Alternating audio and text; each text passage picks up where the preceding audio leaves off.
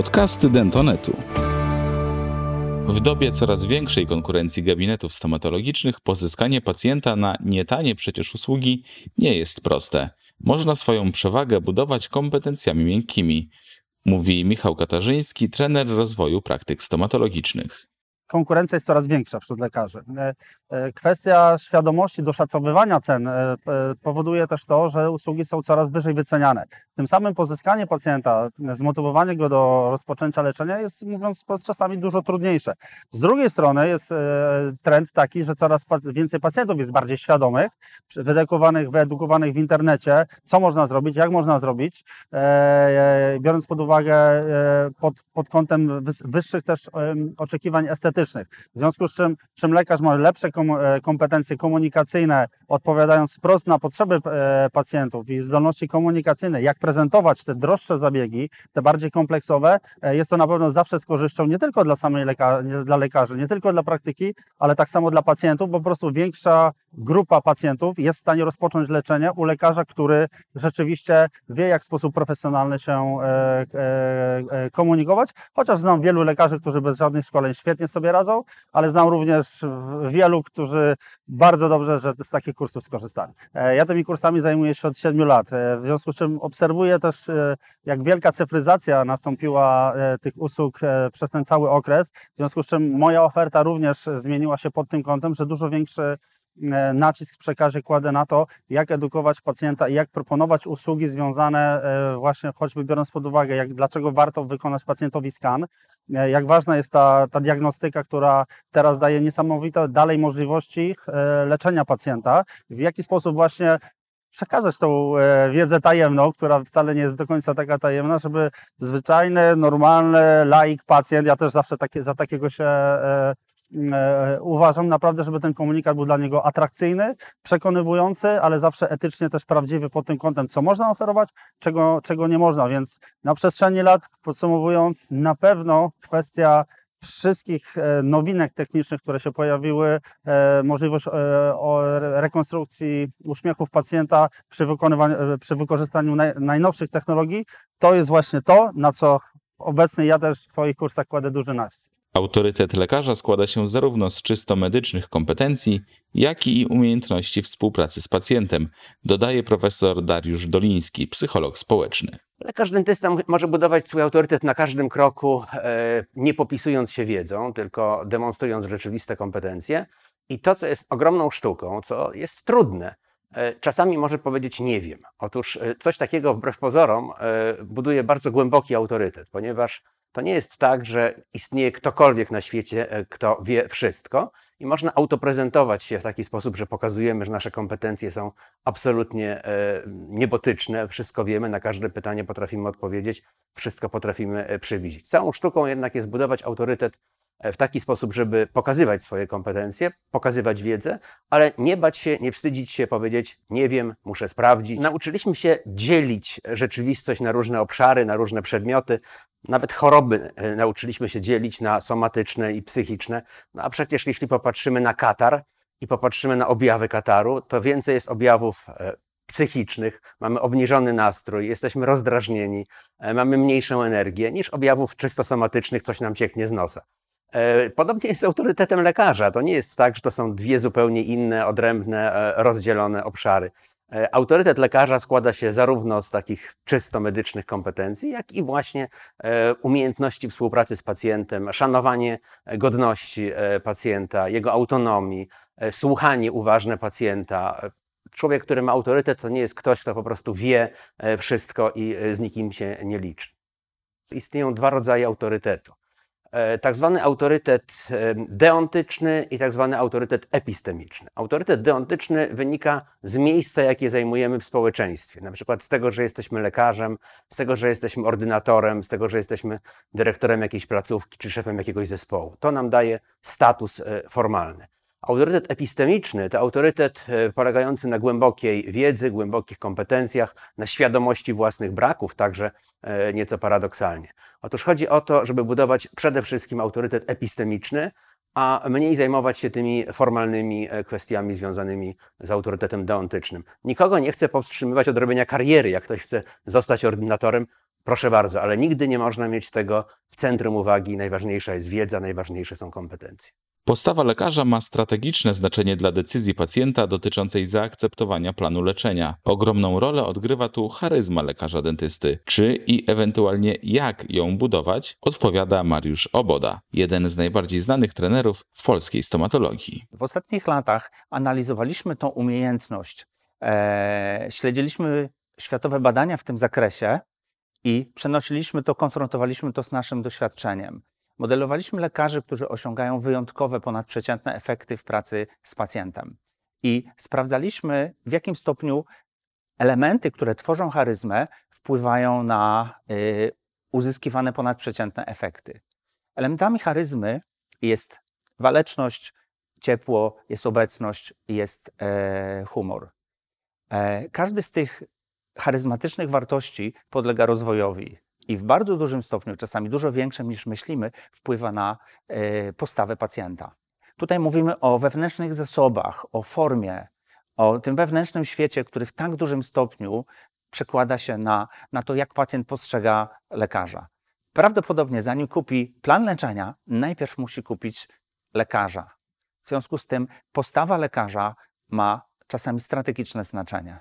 Rolą stomatologa jest ukazanie pacjentowi dostępnych rezultatów terapii, których on sam nie jest w stanie sobie wyobrazić, dodaje dr Magdalena Żywicka, lekarz stomatolog. słuchać. Nie tylko słyszeć, ale słuchać. Próbować wejść w, w relację z pacjentem budowaną na. E, tam musi być prawda. Prawda o wszystkich e, przeciwnościach, o wszystkich zagrożeniach, o wszystkich możliwościach, benefitach, które się e, z tym wiążą. Pozostawienie człowiekowi przestrzeni na własną decyzję. Ja zwykle tak może banalizuję temat, y, ten odwieczny problem, czy usuwać, czy leczyć. Ponieważ w głębi duszy jestem stomatologiem zachowawczym i bardzo do każdej straty podchodzę z, z rozżaleniem sporym.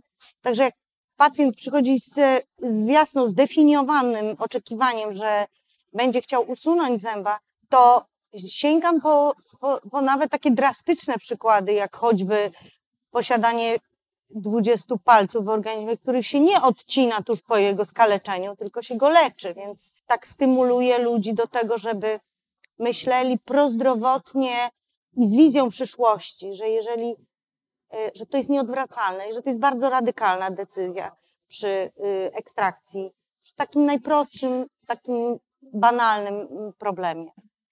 Y, zwykle tych moich sugestii e, zwykle te, te, te, moje sugestie napotykają na taki życzliwy grunt e, i z reguły udaje mi się pacjenta zachęcić do rozważań, bo fakt, że, że w jakikolwiek sposób spełni jego oczekiwania i zabezpieczy go, to nie znaczy, że czyli ja jakby odraczam tą decyzję e, co do, co do wizji leczenia na, na czas późniejszy.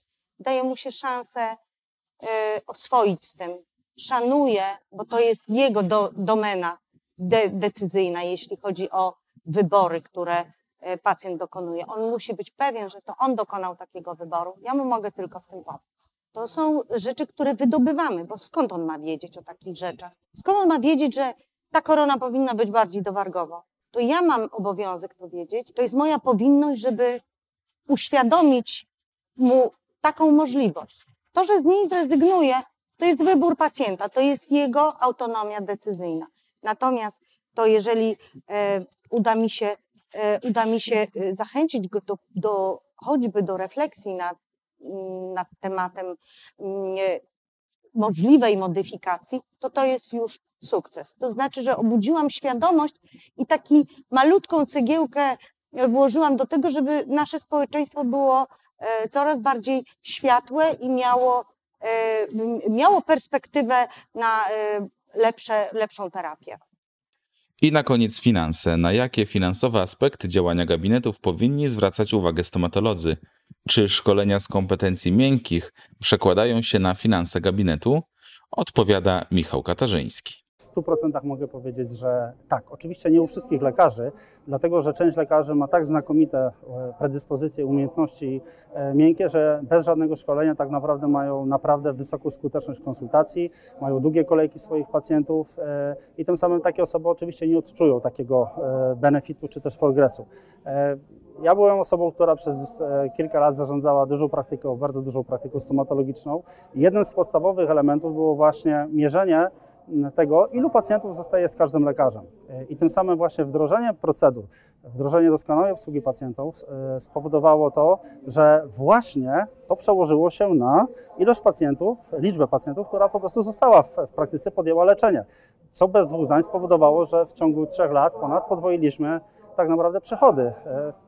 To jest z autopsji e, w praktyce, którą ja zarządzałem, ale jasno mogę powiedzieć, że współpracując z kilkudziesięcioma praktykami e, w całej Polsce, e, dokładnie był taki sam impact. I, I to jest absolutnie ten kierunek, żeby w bardzo świadomy sposób zachęcać pacjentów do podjęcia leczenia i robić to w sposób et- etyczny.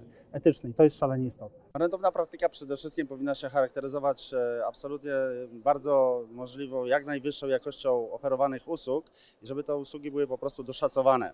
E, Co to znaczy? Czyli żeby były koszty odpowiednio policzone, e, żeby właściciel zarządzał też swoją praktyką w sposób taki, że wie, jakie są możliwe przychody też do osiągnięcia w takiej, w takiej praktyce. Czyli z jednej strony oszacowanie potencjału przychodów, z drugiej strony rzeczywiście bardzo detaliczne liczenie, liczenie kosztów, żeby one były adekwatne, czyli też, żeby nie oszczędzać zbyt mocno, tylko adekwatnie je optymalizować. A dlaczego warto liczyć koszty usług w praktyce stomatologicznej?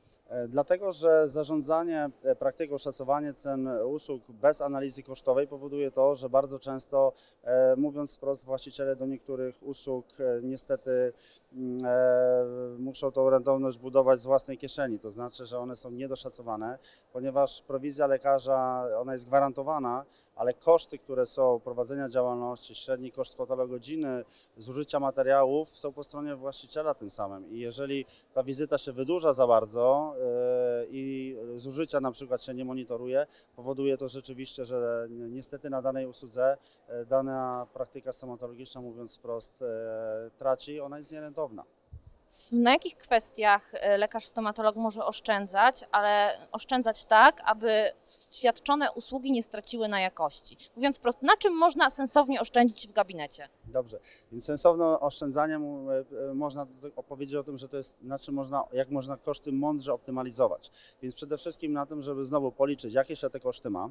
I w momencie, kiedy się wyliczy i mówimy tutaj na przykład o zużyciu materiałów stomatologicznych, no to jest kwestia tego, e, jak zarządzić całym procesem optymalizacji, żeby nie było to na zasadzie takiej, że rzeczywiście przestajemy dbać o jakość, e, żeby tylko wykazać się jak najmniejszym e, zużyciem. Czyli wiemy, jakie to powinno być to e, zużycie i je monitorujemy. Oczywiście e, zakupy różnych e, grupowe, nazwijmy, danych materiałów, większe zakupy, czyli negocjacje cen e, z dostawcami również są bardzo często taką, e, taką metodą, żeby mądrze optymalizować e, koszty, a nie tylko rzeczywiście no, oferować tańsze zamienniki, które nie gwarantują wysokiej jakości usług. Więc znowu, liczenie, statystyka, e, mimo tego, że lekarze czasami tego, czy właściciele nie lubią, ale ja rekomenduję używanie na przykład takich plików, które, które e, stworzyłem specjalnie, które są dopasowane do praktyki stomatologicznej, relatywnie maksymalnie proste, które pomagają naprawdę ocenić, e, czy te koszty, mówiąc wprost, są dobre, za wysokie, za, być może czasami są za niskie, czyli to znaczy, że też niedobrze.